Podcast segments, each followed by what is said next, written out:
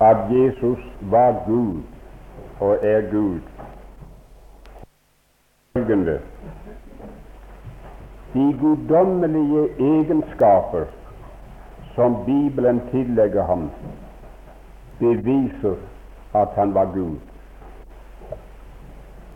De guddommelige egenskaper som Bibelen tillegger Jesus, viser at han var Gud. Jeg har noen bøker hjemme, særlig én,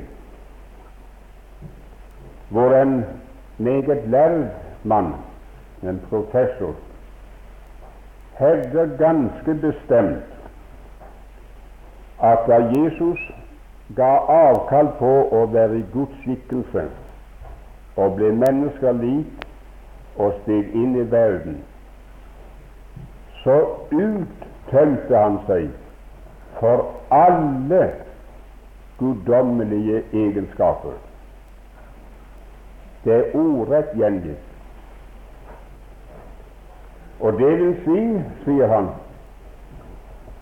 at i alminnelighet så verken visste eller kunne Jesus mer enn et annet gudfryktig menneske, unntaken i de øyeblikker da Gud ga ham å se mer enn andre så, og meddelte han kraft til å gjøre mirakler.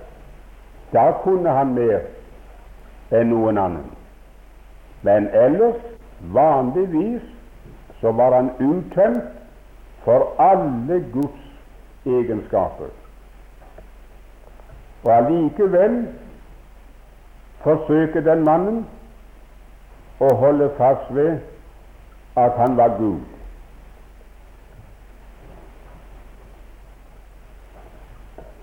Dersom en slik påstand skulle hevdes av noen her, så hadde jeg lyst til å spørre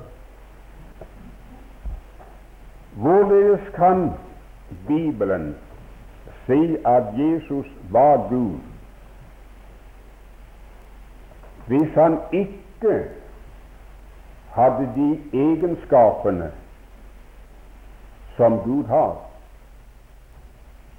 Kan en person være uttømt for alle guddommelige egenskaper og samtidig være Gud? Det hinsides min forstand. Så langt jeg kan se og fatte, så er det nettopp all makt, alle steds nærværelse, all videnhet, fullkommen hellighet, evig og fullkommen kjærlighet, det som gjør en person til Gud. Jeg eier ikke det der, og er derfor ingen Gud. Jeg er bare alminnelig troende menneske.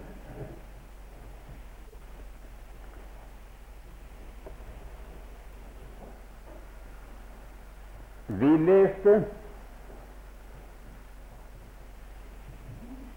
i Johannes 20 30, 31 i sted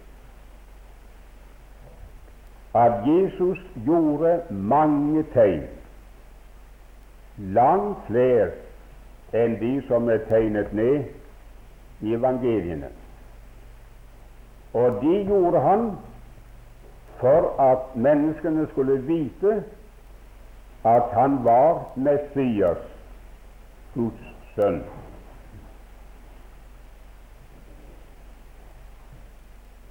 Å ta frem alle de tegnene som han gjorde, og som vi har fått beskjed om, er ikke mulig nå.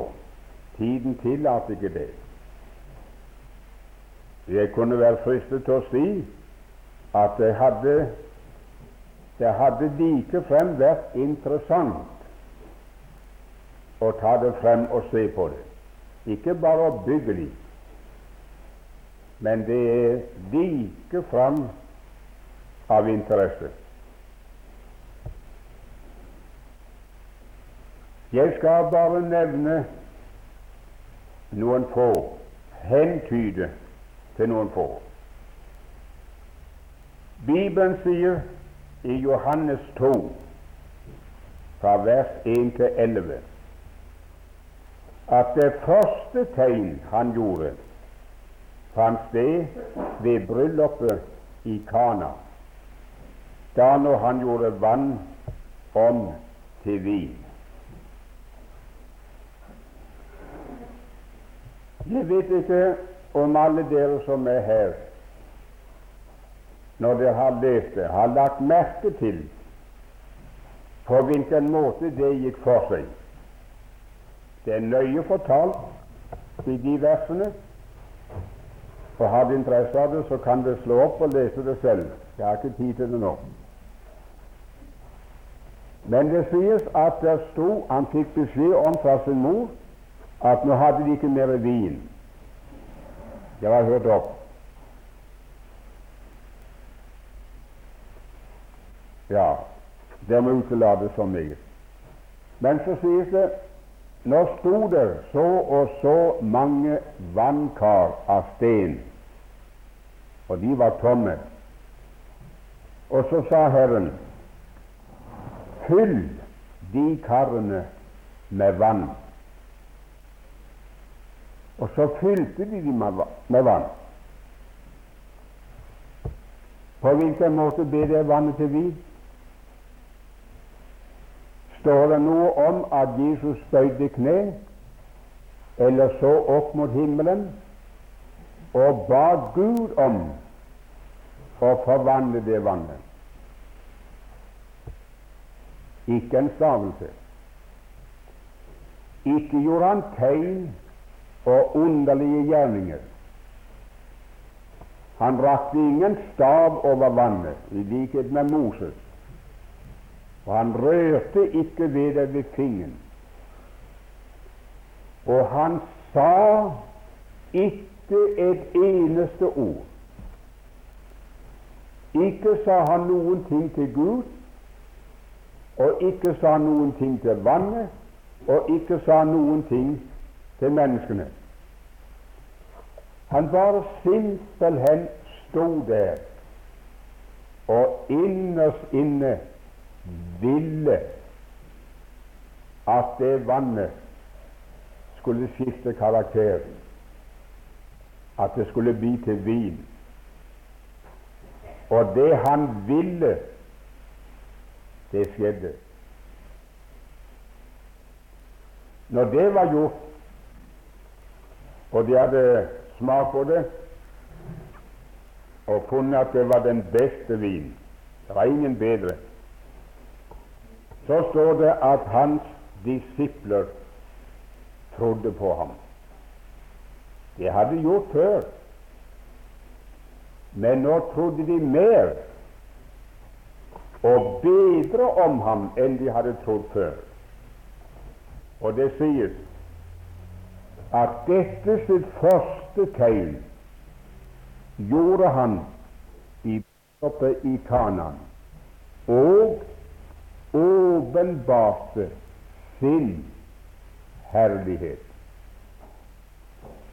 Vil du legge en strek under det pronomenet 'sin'?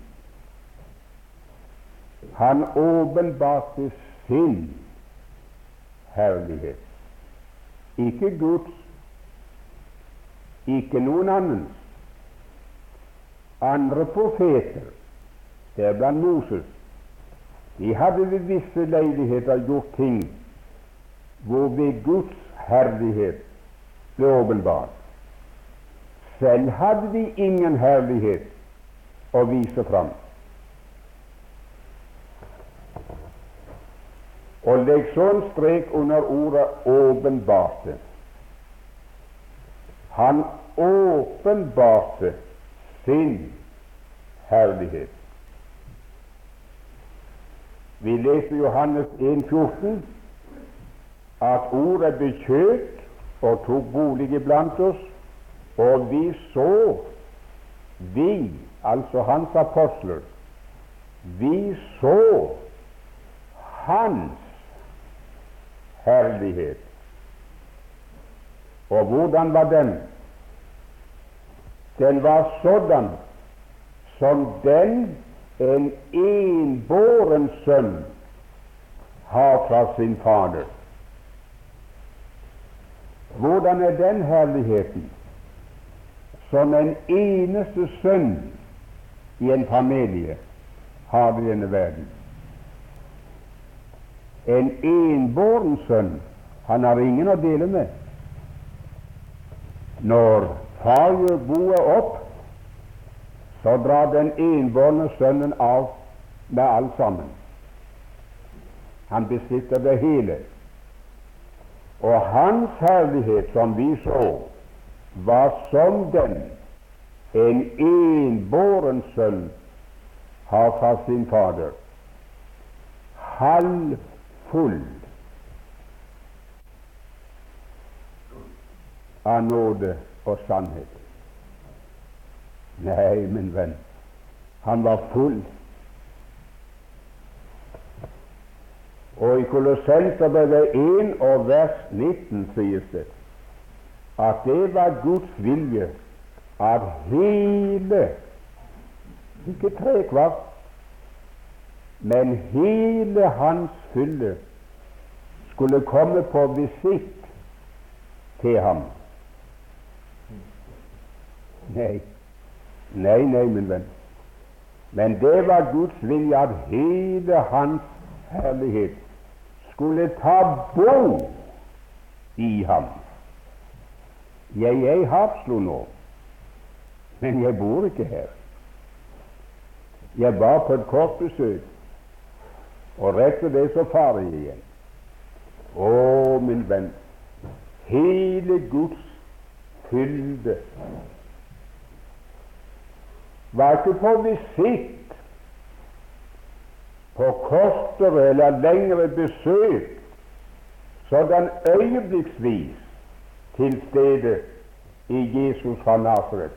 Den hadde tatt bo i ham. Men den lå ikke utenfor hans ansikt. Han kom i fornedrelse i en tjenerskikkelse og hadde ikke et utseende sådan som vi kunne ha lyst til ham. Nei, nei. Men så hendte det iblant at han lukte seg opp, at han åpenbarte det han var, det han besatt, og så fikk jeg lite glimt av hvem han var. Det var hva han gjorde ved bryllupet i Kana. Han lukte seg opp for et øyeblikk og viste noe av seg selv som de aldri hadde sett før. Og så ble resultatet at hans disipler trodde på ham. Hvilken herlighet var han åpenbarte? Ja, jeg kan ikke se det annerledes enn det var Guds allmakt. At han var god, skapningens herre.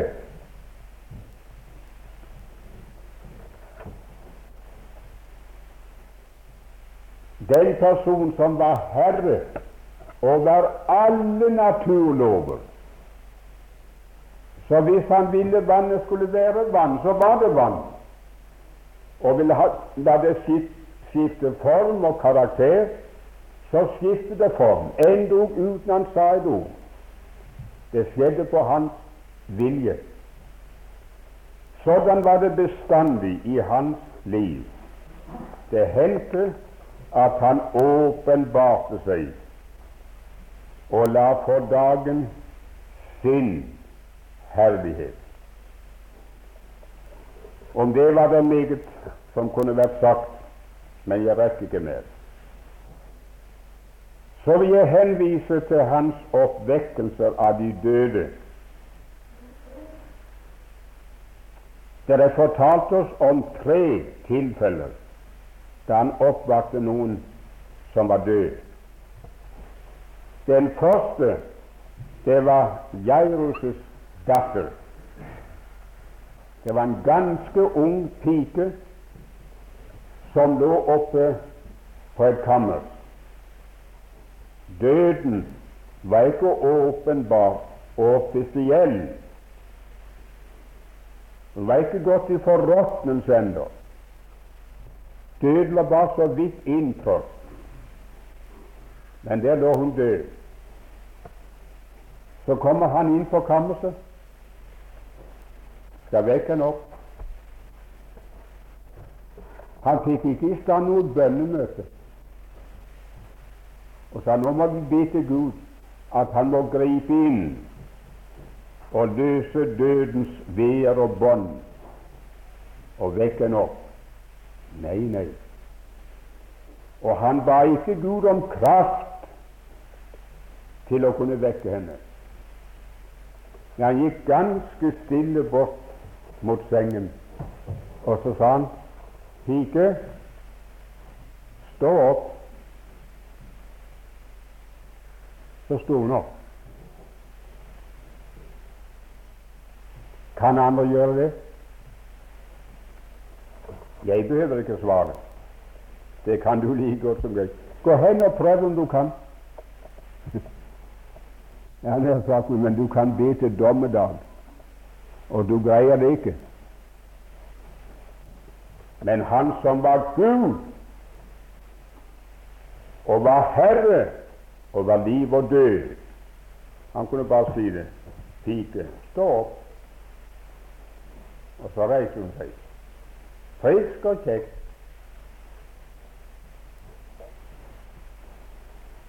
Den andre, det var enkens sønn av Nain.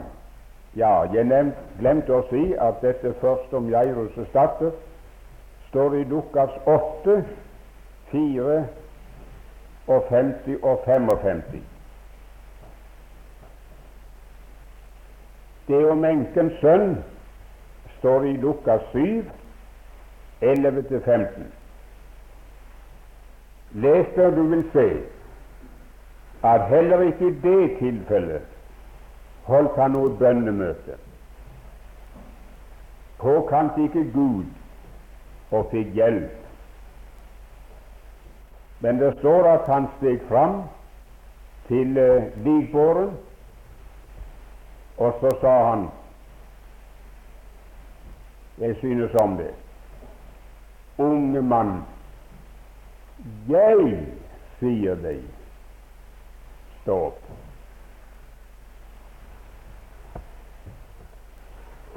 Jeg har i min bibel satt et tykt, kraftig strek under det. Jeg. Ingen andre. Men jeg sier deg, stå opp.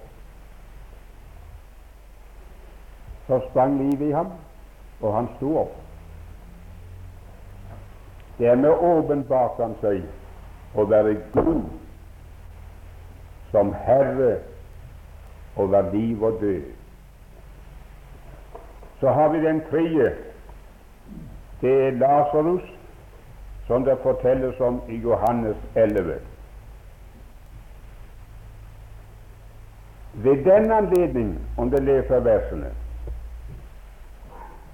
står det riktignok at han så opp mot himmelen og uttalte noen ord til Faderen. Men det står ikke en stavelse om at han ba Gud om å hjelpe seg til å få Lasers ut av graven. Det står bare han så opp mot himmelen og sa, 'Jeg takker deg fordi du alltid hører meg. Og dette sa han for deres skyld, som sto omkring hva de skulle tro. Han så ikke opp til himmelen og sa de ordene for sin egen skyld, for å få makt og evne til å kunne reise Lasarus opp, står det ingenting om. Han besatt den guddommelige egenskap som var nødvendig for å reise ham fra graven.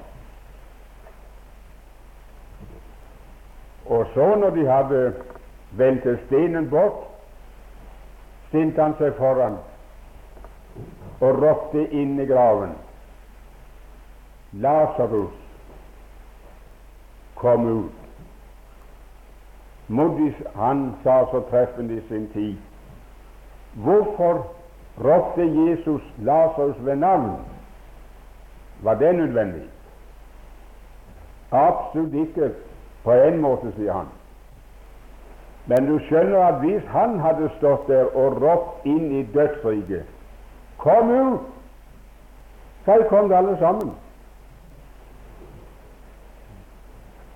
Men han hadde bruk bare for én. Og så nevnte han den ene ved navn. Og så var det ingen andre som reiste seg og kom ut enn han.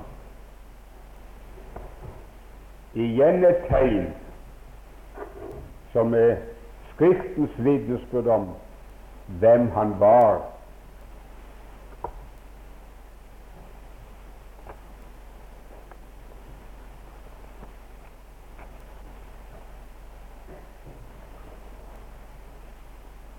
Og la meg nevne med det samme.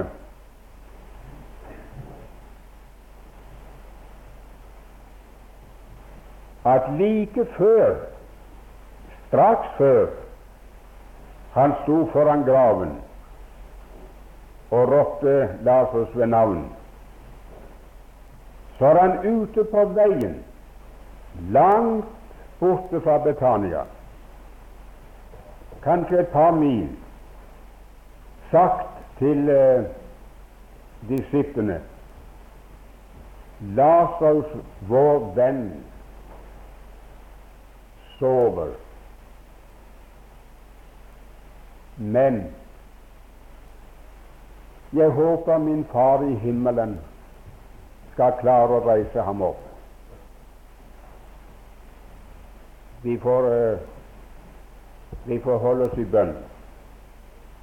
Nei, nei, men det.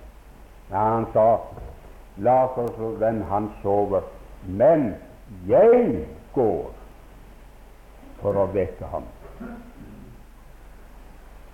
Og han sa dem like ut han er død. Og til søsteren sa han den som tror på meg, han skal leve om han endog dør. Og den som lever og tror på meg, han skal aldri i evighet dø. For jeg er oppstandelsen og livet. Dere tror at oppstandelsen det, det, er en bestemt akt som består i at hensovede, døde legemer vogner og kommer ut av graven. Det kaller dere oppstandelsen. Det er feil, Martha. Det er feil. Oppstandelsen det er en person, og det er meg. Om det i det hele tatt skal bli en slik akt at døde mennesker blir levende står opp, det avhenger av meg, det. Om døde skal bli levende, avhenger av meg, for jeg er også livet. Hvis jeg vil at din bror skal vågne og stå opp nå, vel, så står han opp. Det avhenger av meg, det. Og hvis han skal bli der, så blir han det. Han visste hvem han var.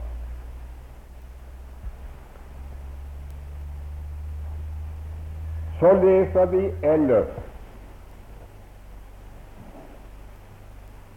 ting som jeg kan, ikke kan snakke om nå at han truet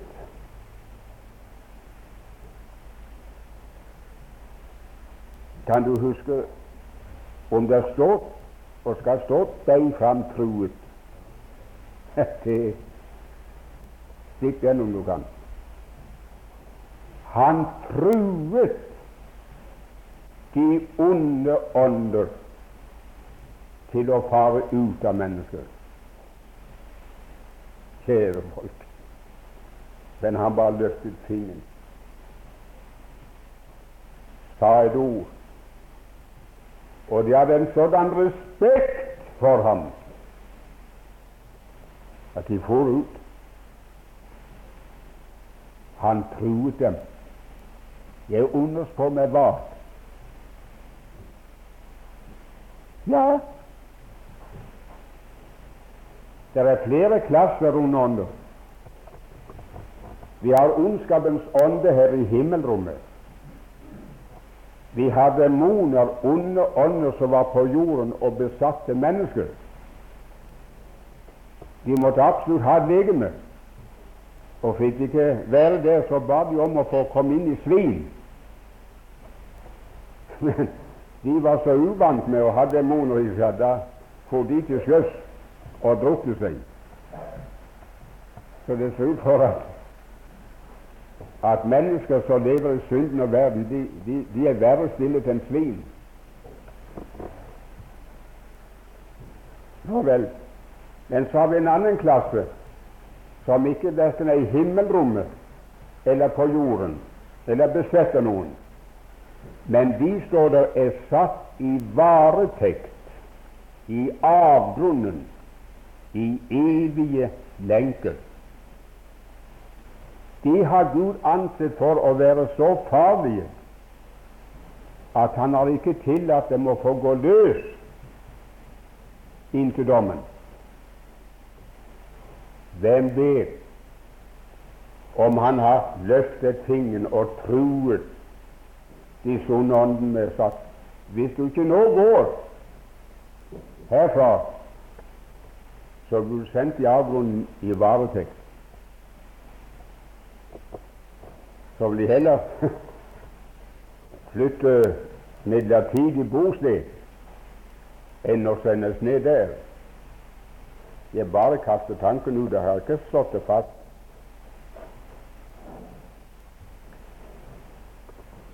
Og så truet han feberen. Det betydde ingenting men venn, om en mann hadde influensa den gang og høy feber. Hvis den Herre Jesus ville, så sa han et ord og truet feberen til å forlate den kroppen. Det gjorde han med Peters svigermor. Og Jeg liker et uttrykk som står der i vår bibel. Da han kom inn der til Peter, og så svigermora i den stillingen Hvor lenge hun du lagt, det vet jeg ikke. Men det står Men da Jesus trådte til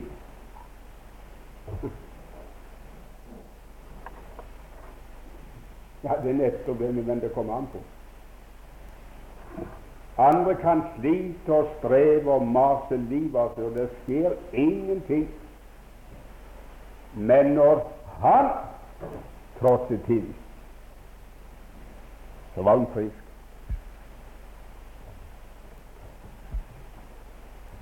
Og han truet vinden og sjøen, og de var ham lydige. De møtte sin egen skaper, sin egen herre, og lystet ham. Han var Gud. Kunne regne opp en hel masse ting, men uh, det er det ikke tid til. Mange eksempler på at han var allvisende. Det er en mangfoldighet av eksempler på. Og at han var alle steds nærværende. La meg i det tilfellet bare henvise til da han sa i uh, i uh, Johannes 3, 13. Ingen er faren opp til himmelen uten menneskesønnen som er i himmelen. Han sto her på jorden som menneskesønnen og snakket med dem og sa menneskesønnen er i himmelen. Og ingen vel som kan være både i himmelen og på jorden samtidig. Han er Gud.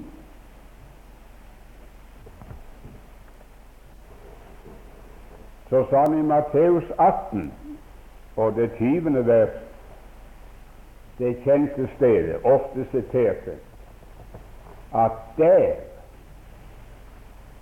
Det er ikke nevnt noen by, ikke noe land, ikke noe bestemt sted, men der det er akkurat det samme vår i alle fem verdensdeler. Der hvor to og tre er sammen i mitt navn, der skal jeg komme og være med dem. Men der er jeg. Her i Haslo, nede i Åkerhavn, borte i Kina, i Afrika, i Asia, på Cuba, i Amerika, verden over.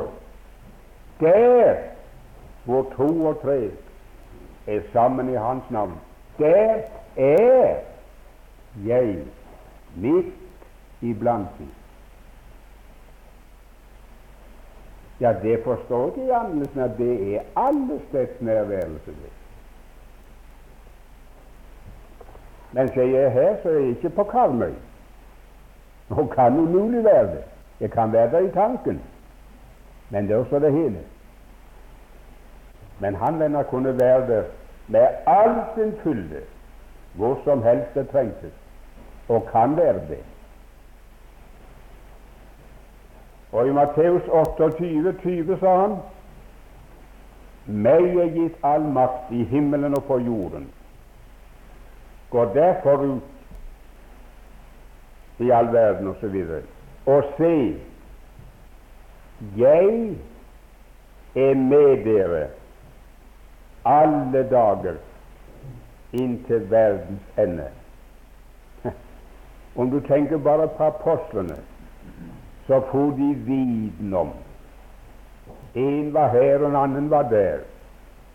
Reiste fra by til by, fra land til land, forkynte evangeliet, og der var han. Der de var, der var han. Det samme med den. Det er tilfellet den dag i dag.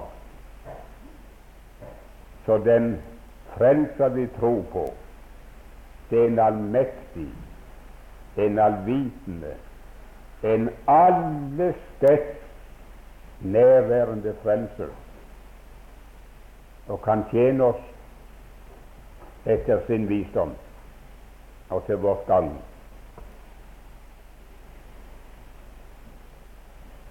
Jeg vil avslutte det her. Jeg har ikke tid å ofre mer enn disse to timene på dette. Men jeg vil avslutte med å henvise til Jesu død og hans oppstandelse fra de døde.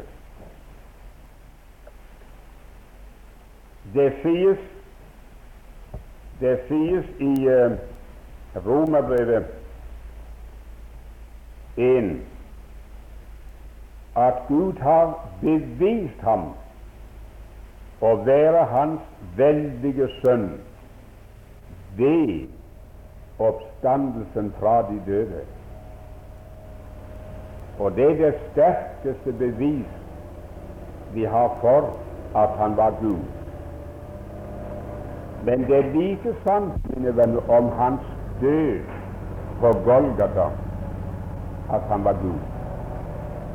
La meg få lov å referere lite grann. Jeg har før sitert, sitert Johannes 10, 17-18. Der sa han Ja, nei, jeg siterte ikke versen da, men der står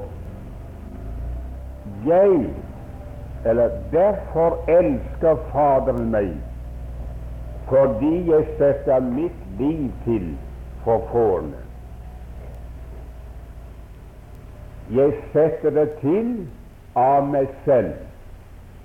Ingen tar det fra meg, men jeg setter det til av meg selv. Det bud fikk jeg av Faderen. Jeg har makt til å sette det til, og makt til å ta det igjen. Det bud fikk jeg av min far.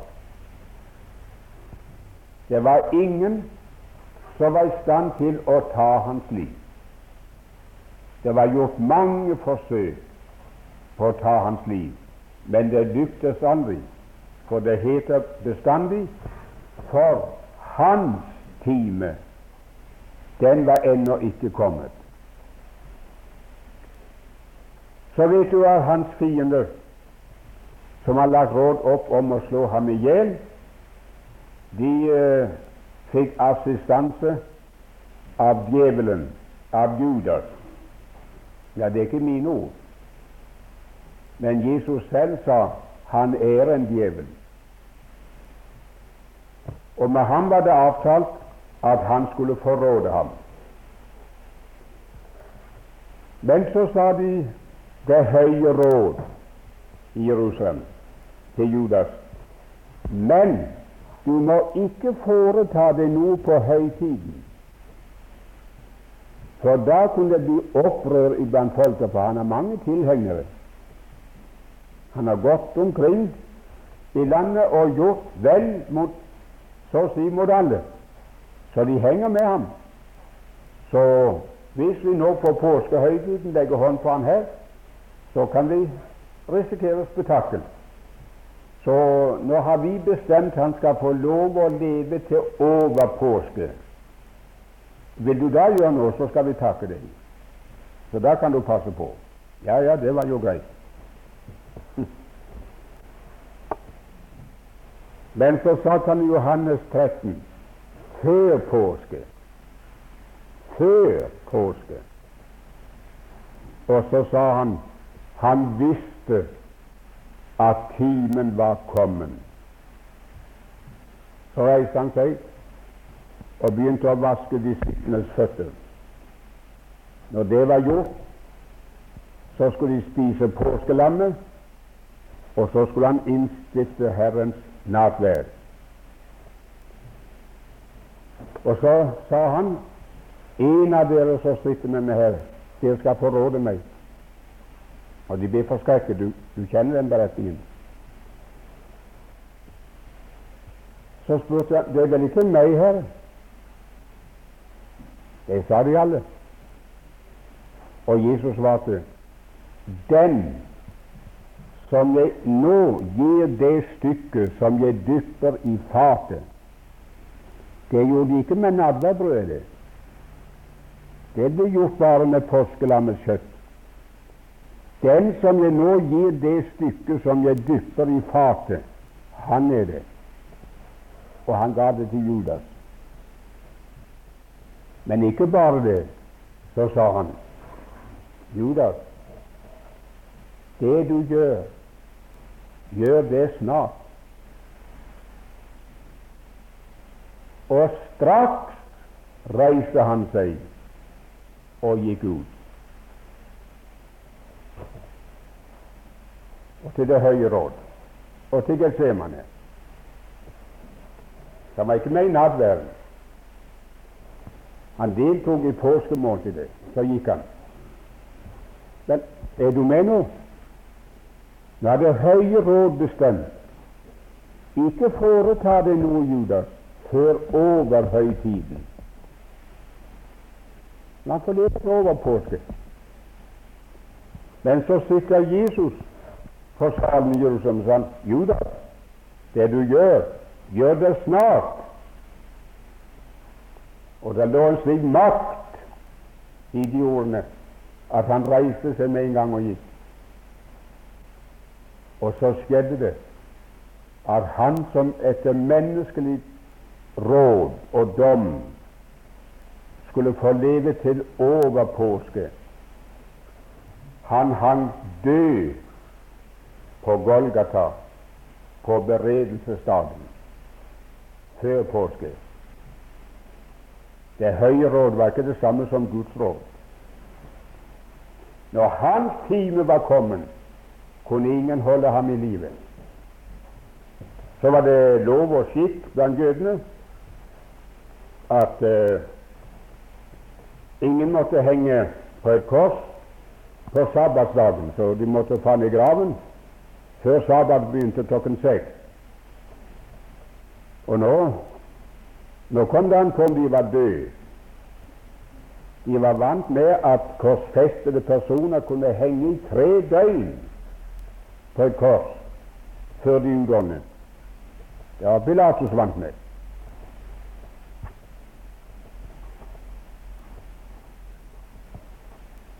Så kom det noen og ba eh, Pilatus om å få ta Jesu legeme ned av korset og begrave det. Ja, ta Jesu legeme ned av korset Han er vel ikke død nå? Pilatus undret seg over at han allerede skulle være død, står det. Han var ikke vant med.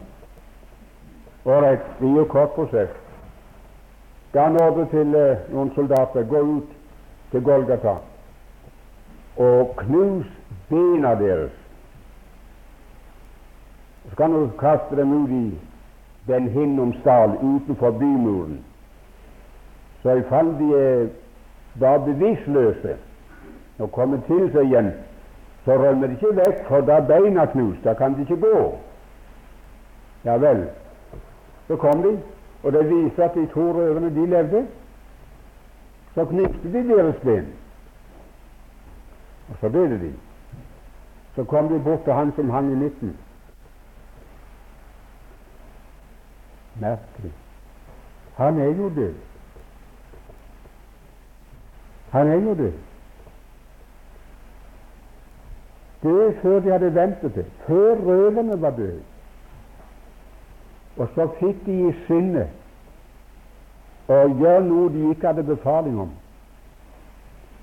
Ordentlig for å knuse bena.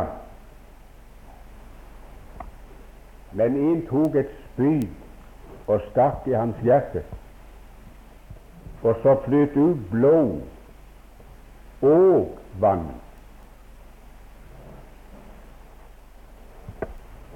Blodvannet, den væsken i hjertekammeret, som vi kaller blodvannet. Det er så ganske lite at når du gjør sånn og får lage det hullet her, så det er plass for de dråpene vann. Og lærerleger de forteller at det er bare når døden inntrer, derved at hjertet brister, at blodvannet skiller seg fra blodet. Og nå kunne de konstatere at blodet og vannet hadde skilt seg. Da Pilatus hørte det,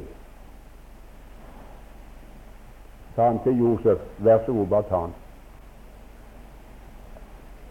Men når han døde akkurat i det øyeblikk som var bestemt i evigheten. Han satte livet til av seg selv, og ingen tok det fra ham. Den som kan greie det, og så samtidig ta sitt liv igjen, den personen er Gud. Det var med hensyn til hans død. Hva så med hensyn til hans oppstandelse? Der står de tok ham og la ham i en ny grav. Men det var ikke nok. En ny grav som var uthuggen Nei, en ny grav som var graven ut i bakken, i sanden. Det har Den hellige ånd aldri sagt. Men den var huggen inn i fjellet. Så det skulle altså ikke være noen mulighet for oss å grave seg ut om man skulle våkne. Så var den graven forsegla med en stein. Og hvis hun rørte ved den steinen for å få fatt i den kroppen som var innenfor, så fikk han med den romerske makt å bestille. Og det satt vakt utenfor. Og det føys ennå til det var en ny grav hugget inn i fjellet som ennå aldri noe menneske hadde lagt i. Hvorfor skal vi ha den opplysningen? Hvorfor den er nødvendig? Den er bare for å utelukke tanken Det er for å utelukke tanken på at Jesus skulle ha kommet ut av graven på noen som helst naturlig måte. Det hadde nemlig hendt en gang i Israel at de kastet en mann som døde for dem. De var på krigstokt. Så døde han, og så kom fienden over dem, og så skulle de begrave han. Så kastet de opp et hull i jorden og begrov han. Men takk skal du ha, det var en gammel grav. Der hadde lagt en av profetene. Og så kom han i berøring med bena av den profeten, og med en gang så sprang det liv i ham. Hadde det vært en gammel grav som han var lagt i, så hadde Kristi fiender sagt ja, det er ikke noen mirakel. Det er bare det samme som har gjentatt seg som fra Elisas dager. Han er kommet i berøring med en av de gamle profetene, og så har han våkna. Men nå fantes det ingen naturlig forklaring. Han var lagt inn i fjellet, i en ny grav som ingen hadde lagt i, og den var låst med en stor sten og forseglet med det romerske seil. Takk. Satt vakten der og passet på. Skal vi se om vi kommer og. Her kom ingen. Kom ingen. Men plutselig så rystet jorden. Så sprakk seilet, og så ramlet stenen foran åpningen ifra.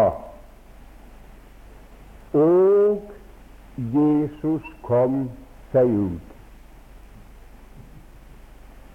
Står det det?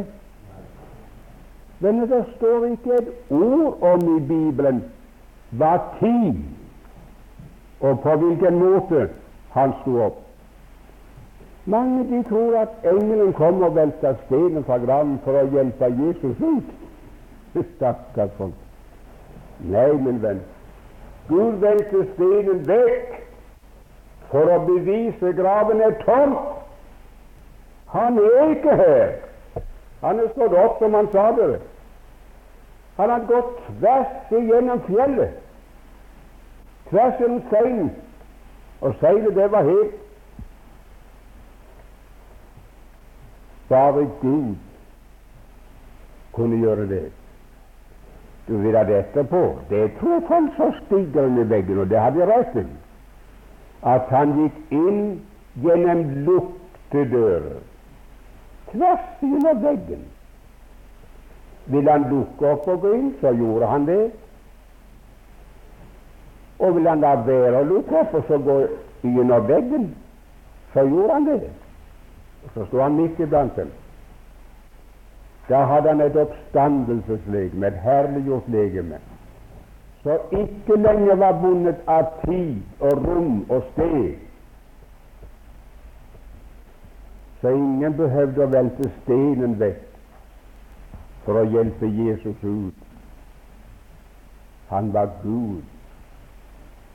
Og når hans time var inne, så sto han opp og gjorde seg god tid.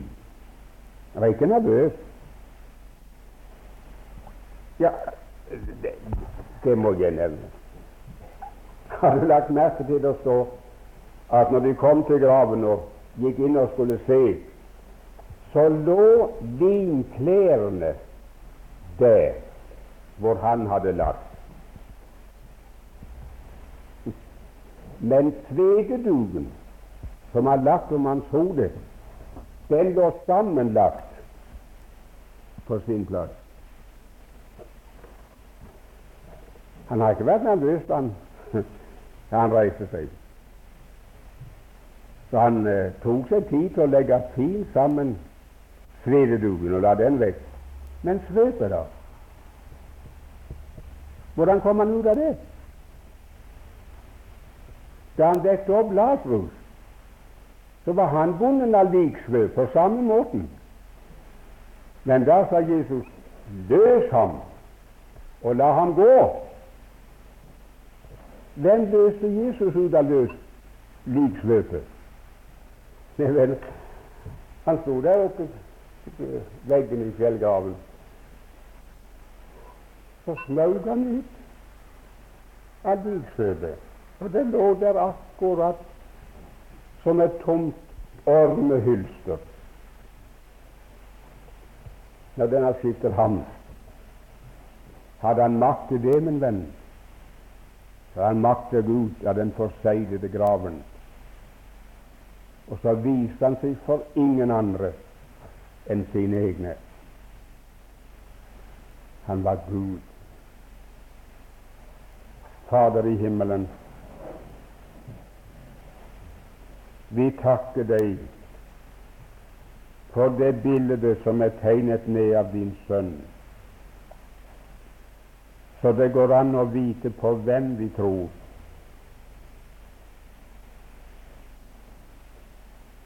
Takk, kjære Herre, for det vi nå har snakket om.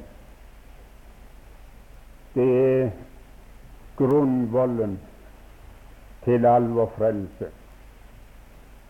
Hva hadde hans død betydd? Hva hadde den vært verd om han ikke var Gud? Om han ikke hadde vært i stand til å sette livet til av seg selv, og så ta det igjen. Vi takker deg, Fader, for at du gav oss en slik frelser. Gi oss å kjenne ham, gi oss å forlate oss på ham for tid som for evighet. Vi ber om det i Hans navn. Tenk på møtet i kveld, og syng det folk som måtte komme inn. Møt dem med en sannhet ifra deg som de trenger. Amen.